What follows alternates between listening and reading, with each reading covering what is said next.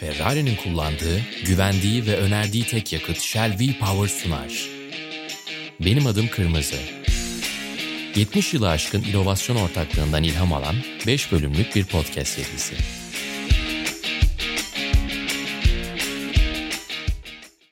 Sokrates Podcast'a hoş geldiniz değerli yarışseverler. Benim adım Kırmızı isimli yeni bir podcast serisine başlıyoruz. Ben Barkın Kızıl, Malis Erişik'le beraber Vasıtalar ekibi olarak tırnak içinde bu podcast'te sizlerle birlikte olacağız ve hemen ne konuşacağız ondan da bahsedelim ilk bölümün başında. Shell Sokrates ortaklığıyla biz de başka bir ortaklığı Ferrari Shell ortaklığını masaya yatıracağız. Tarihsel dönüm noktalarını konuşacağız ve 5 bölüm boyunca bu uzun tarihten bazı kısımları elbette çünkü hepsini konuşmamız çok kolay değil. Sizlerle paylaşacağız. Umarız keyifli bir dinlence olur sizler için de. Hoş geldin Mali. Hoş bulduk. İlk bölümümüzde konumuz Jose Froilan Gonzalez ve Ferrari'nin ilk yarış galibiyeti aslında. Ve bölümün sonunda da özel bir sürprizimiz var. O yüzden son bölüme kadar dikkatli dinlemenizi şimdiden önerelim ve yavaş yavaş konuya girelim. Elbette motor sporları tarihinin en köklü birlikteliklerinden bir tanesinden bahsediyoruz. Belki de en köklüsünden bahsediyoruz. Ferrari ve Shell işbirliği dendiği zaman. Öyle ki Enzo Ferrari daha Ferrari takımını kurmadan evvel zaten Shell'le bir işbirlikleri vardı. Shell hem motor yağı hem de yakıt sağlıyordu Enzo Ferrari'ye Alfa Corse'de yarışırken. Ve sonrasında da takım kurulduktan sonra Enzo Ferrari'nin Shell'den başkasıyla çalışmayacağını ilan etmesi bu ortaklığın aslında başlangıç noktası oldu. Tabii ki o ilk zamanlara Froilan Gonzalez'e gitmeden evvel Scuderia Ferrari'yi biraz konuşmamız lazım. Yani Scuderia Ferrari 1929'da Alfa Romeo'nun yarış takımı olarak hayatına başlıyor. Senin de söylediğin gibi. Öncesinde de zaten Alfa Romeo ile yarışan bir yarışçı olarak, bir genç yarışçı olarak Enzo Ferrari'yi ilk olarak tanıyoruz. Bu dönemde çok özel isimlerle de çalışıyorlar aslında. Yani Formula 1 öncesi Grand Prix'lere bakıldığında işte savaş öncesi, 2. Dünya Savaşı öncesi Grand Prix'lere bakıldığında birkaç efsane isim ön plana çıkıyor. Ve onlar arasında yer alan Tazio Nuvolari, işte Achille Varzi, Louis Chiron gibi efsaneleşen pilotlarla başarılar elde ediyorlar. 1938'de Alfa kendi takımını tekrar kuruyor.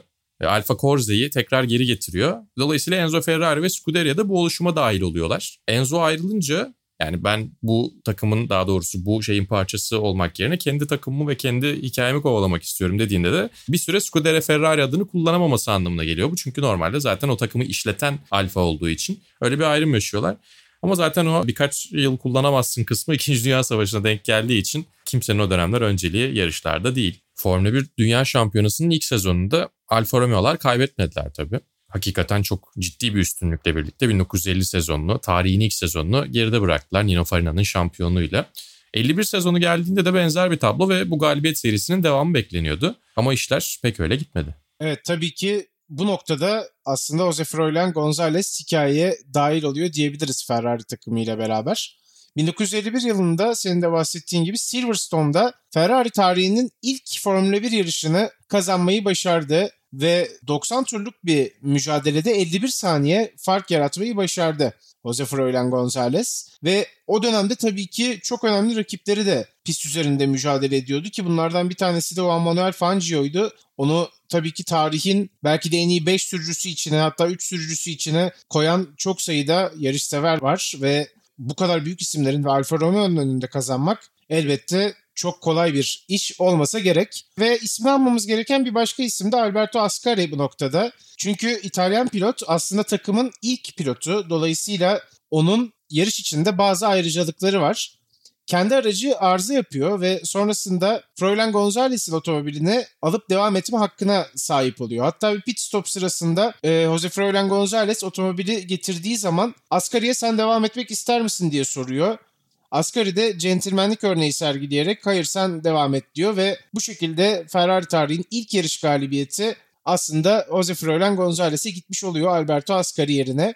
Bir İtalyan pilot yerine bir Arjantinli kazanmış oluyor. Bu anlamda da herhalde markanın önemli dönüm noktalarından bir tanesi. Ve elbette Enzo Ferrari için de çok anlamlı bir yarış galibiyeti bu. Kendi yazdığı Ferrari 80 isimli kitapta bu yarış sonrasında ağladığını söylüyor Enzo Ferrari ve sadece heyecan ve mutluluktan ağlamadım. Aynı zamanda annemi öldürmüş gibi hissettim diyor. Çünkü Alfa Romeo ile aralarında çok ciddi bir bağ var ve ilk kez onların kanayabildiğini görmek belki de bu yarışla beraber gerçekleştiği için böyle bir enteresan duygusal pencereden bakıyor diyelim Enzo Ferrari.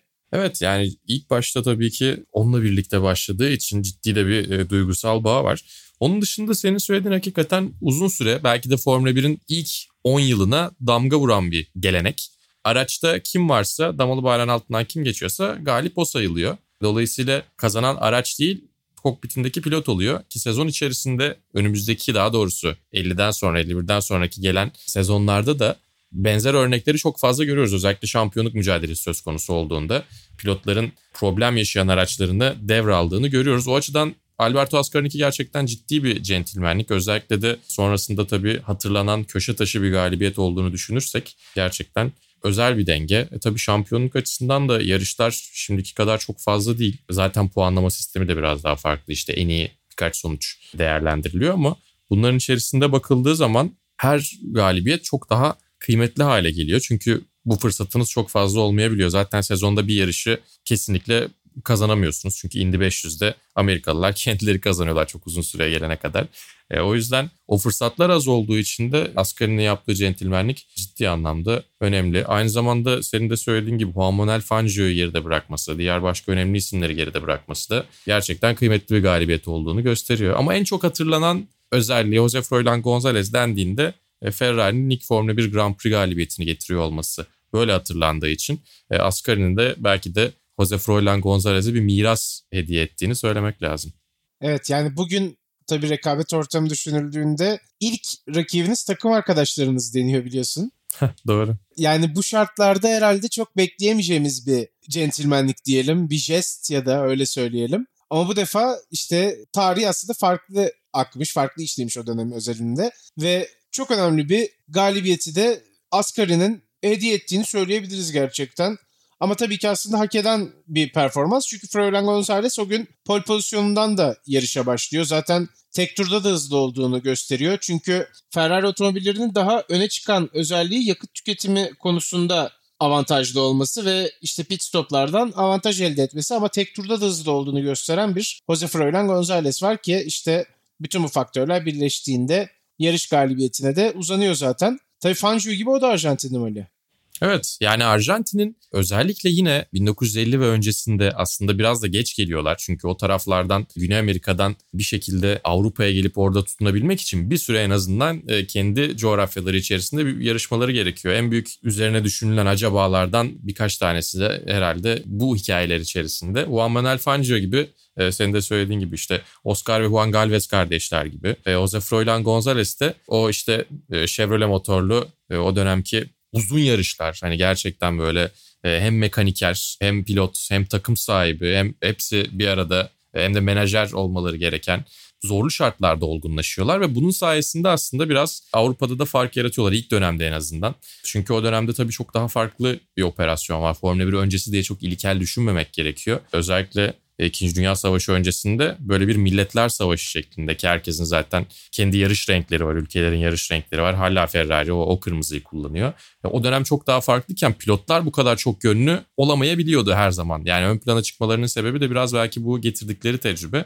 Ama tabii ki bir taraftan kariyerlerinde önemli yıllar kaybediyorlar aslında. Daha erken gelebilseler belki çok daha farklı bir başarı elde edecekler. Ama bu güzel ekolün, o Arjantin ekolünün hala hatırlanan, hala sevilen sayılan e, Arjantin ekolünün önemli temsilcilerinden bir tanesi. Jose Froilan González. O zamanın şartlarında aslında komple pilot olmanın hani gerekliliği gibi hem işte Tabii. mekanik tarafından anlamak hem aracı hissedebilmek. Hani şimdi bugün de konuşuyoruz zaten işte araçtaki geliştirmelere yardımcı olabilecek pilotlar daha farklı bir noktada duruyorlar. Bazen takımların direkt tercih sebebi de olabiliyorlar. Ya da işte antrenman günlerinde veya yarışta pist üzerinde feedback verebilen, otomobilin dilinden anlayan pilotların birkaç adım daha önde olması bazı durumlar söz konusuyken aslında o dönemde de bu şekilde sirayet ediyor senin de dediğin gibi. Hatta Fangio belgeselinde de bundan çok bahsedilir. Aracın her türlü işlemini aslında kendi kendine de gerçekleştirebildiği evet. yani tam İsviçre çakısı gibi bir sürücü olduğu söyleniyor. Ve işte Arjantin ekolü de herhalde bunun yansımalarından bir tanesini oluşturuyor diyebiliriz herhalde. Tabii motor sporları ve işte hız dünyasına girişlendiği zaman önemli endişe konularından bir tanesi de risk faktörü. Yani bu kadar hızlı bir atmosferde, ortamda en küçük hatanız sizi bir anda kaza tehlikesiyle karşı karşıya bırakabiliyor. Jose Froilan Gonzalez'in de hikayesinde buna benzer bir nokta var, anekdot var diyelim. Kendi ülkesinde yarışırken ailesi kendi yarışlara katıldığından haberdar olmaması için farklı bir isimle, bir takma adla, Kanuto lakabıyla yarışlara kaydoluyormuş. Çünkü gittiği bir sirkte gördüğü bir palyaçonun ismiymiş bu. bu anlamda tabii enteresan lakapları da var. Ama hani başlangıç döneminde en azından ailenin bazen izni olmadan yapılan şeylerin de çok beklenmedik bambaşka noktalara gidip bir anda ailenizin haberi yokken sonrasında bütün dünyanın sizi tanımasına yol açabiliyorsunuz herhalde. Evet. Yani bu lakap işi bu arada hala motor sporlarında ara ara günümüzde de görebiliyoruz. İşte rallycross'ta, binek otomobillerde falan direkt isim soy isimle değil lakapla yarışan isimler hala var. Daha farklı sebeplerle olabiliyor gerçi tabii ki artık sosyal medyanın olduğu dönemde gizli kapaklı yarışlara katılmak çok mümkün değil diye düşünüyorum. O dönem gerçekten olan bir durum bu. Özellikle tabii işte kültürler biraz daha farklı olduğunda bir de maddi açıdan da çok daha kısıtlı. Hatta parça olarak da bakıldığında işte araç parçası bulabilmek, araç toplayıp yarışabilmek bile çok zorken bir de üstüne işin tehlikeli kısmı olunca çok net bir şekilde anlaşılabiliyor neden o lakapla yarışlara katıldı. Ama sonrasında tabii bu sefer başarısıyla ve aynı zamanda farklı özellikleriyle birlikte bu sefer onu izleyenlerden, sevenlerden ve rakiplerinden lakaplar alıyor. İri yapısı ve e, iştahıyla önemli Formula pilotlarından biri aslında Jose Froilan Gonzalez. El Cabezon yani koca kafa ve yine İngilizlerin ona taktığı lakap Pampas boğası. Arjantin'in Pampas bölgesinden geldiği için. E, güzel iki lakap bence. Tabii o dönemler pilotların ağırlığı ve fiziksel yapısı çok fazla önemli değil. Yani üst gövdesi güçlü, dayanıklı adamlar olmaları dışında e, çok ciddi bir gereklilikleri yok. Yani çok e, hafif olmak zorunda değiller ya da şimdiki gibi biraz daha jockey fiziğine e, yakın olmak zorunda değiller. E, o yüzden tabii biraz daha iri yapılı ve daha farklı bir adam. Jose Froilan Gonzalez zaten araştırıp resimlere baktığınızda da görüyorsunuz. Onun sürüş tarzı ile ilgili de enteresanlıkları olduğu söyleniyor fiziksel yapısının yanı sıra. Böyle dirseklerini otomobilin dışına doğru çıkartıp direksiyonu daha üstten kavrarmış ve virajlarda vücuduyla yatarmış. Hani sanki motosiklet sürücüsü gibi. Tabii o fizikle de Ben Spies'in bir ara yarıştığı gibi. Hakikaten ilginç o da çünkü dirsekleri dışarı çıkarıp yarışırdı Ben Spies eski Superbike Dünya Şampiyonu. Ona da o yüzden dirsek elbows lakabı verilmişti. Ama demek ki e, onun orijinali de Jose Froilan Gonzalez'ten geliyor. Evet yani bir de işte dış görünüşüyle birleştirdiğiniz zaman kafanızda enteresan bir görüntü oluştuğunu evet. herhalde tahmin etmek güç değil. Klasik bir görüntü tam. Aynen öyle ve tabii ki o işte eski araçların görüntüsünü düşünün. Enteresan bir manzara oluşuyordur şüphesiz. Tabii ki bu tarihi galibiyetin 50. yıl dönümü 2001'de Britanya Grand Prix'sinde sıralama turlarına denk gelmişti. Çünkü Froilan Gonzalez'i kazandığı yarış bir cumartesi günü koşulmuştu. Ve yarışında artık yavaş yavaş 70. yıl dönümü yaklaşıyor. Acaba hangi Grand Prix'e gelir ya da işte bu takvimde herhangi bir Grand Prix ile denk gelir mi bilmiyoruz ama o gün Michael Schumacher pistteydi ve Ferrari 375 ile çok şık bir anma gerçekleşmişti. Aslında Ferrari tarihine damga vurmuş bir başka isim olan Michael Schumacher'in de Jose Froilan Gonzalez'i anması çok çok özel bir durum olsa gerek diye düşünüyorum. Yani bir taraftan o adımı ilk atan adam ve sonrasında o adımı çok daha farklı bir yere taşıyan, o hikayeyi çok daha farklı bir yere taşıyan hatta e, ufak da bir düşüş döneminden tekrar çıkartan adam ikisinin bir araya gelmesi o açıdan bence hakikaten kıymetli, değerli. Bir de tabii Ferrari mirası üzerinden kendini tanımlayan bir marka olduğu için o yüzden zaten hani sürekli birlikte çalıştığı markalara, birlikte ortaklık kurduğu markalara da bu yüzden çok fazla değer veriyor belki. O mirasına sahip çıkabiliyor işte. Çok uzun zamandır ortaklık yaptığı Shell gibi markalarla. Bence o yüzden çok fazla fark ediyor. Bunun kıymetini biliyorlar. Kendi içlerine bakıldığı zaman da başarılarda kimler var, kimler yok ve işte önemli yerlerde kimler ön plana çıkmış, kimin katkısı olmuş bunların da kıymetini biliyorlar. Aslında Bizim Scuderia Ferrari özelinde söylediğimiz şeyler biraz daha farklı oluyor. Gündem içerisinde bakıldığında, günceline bakıldığı zaman pilotlarla her zaman çok iyi anlaşamayabiliyorlar. Eğer bir ayrılık varsa o biraz buruk bir ayrılık oluyor genelde. Ama tarihe doğru bakıldığında da genellikle o kıymeti bilmeyi başarıyorlar. Böyle bir ikilik var aslında. Ve tabii ki Ferrari'nin bir sonraki yıl, 2001'den bir sonraki yıl, 2002'de aslında yine Jose Froilan Gonzalez'i onurlandırdığını görmüştük. Shell tarafından 1951'deki galibiyete ithaf edilen bir kupa kaldırmıştı. İtalya Grand Prix tabii ki Monza zaten Ferrari'nin evi söylemeye gerek bile yok. Orada gelen 100. zaferle beraber ilk galibiyeti alan Jose Froilan Gonzalez'in de orada yer alması, podyumda kupayı kaldırması, tarihin aslında Ferrari tarafından unutulmadığını, tarihe kıymet verildiğini gösteren detaylardan bir tanesiydi.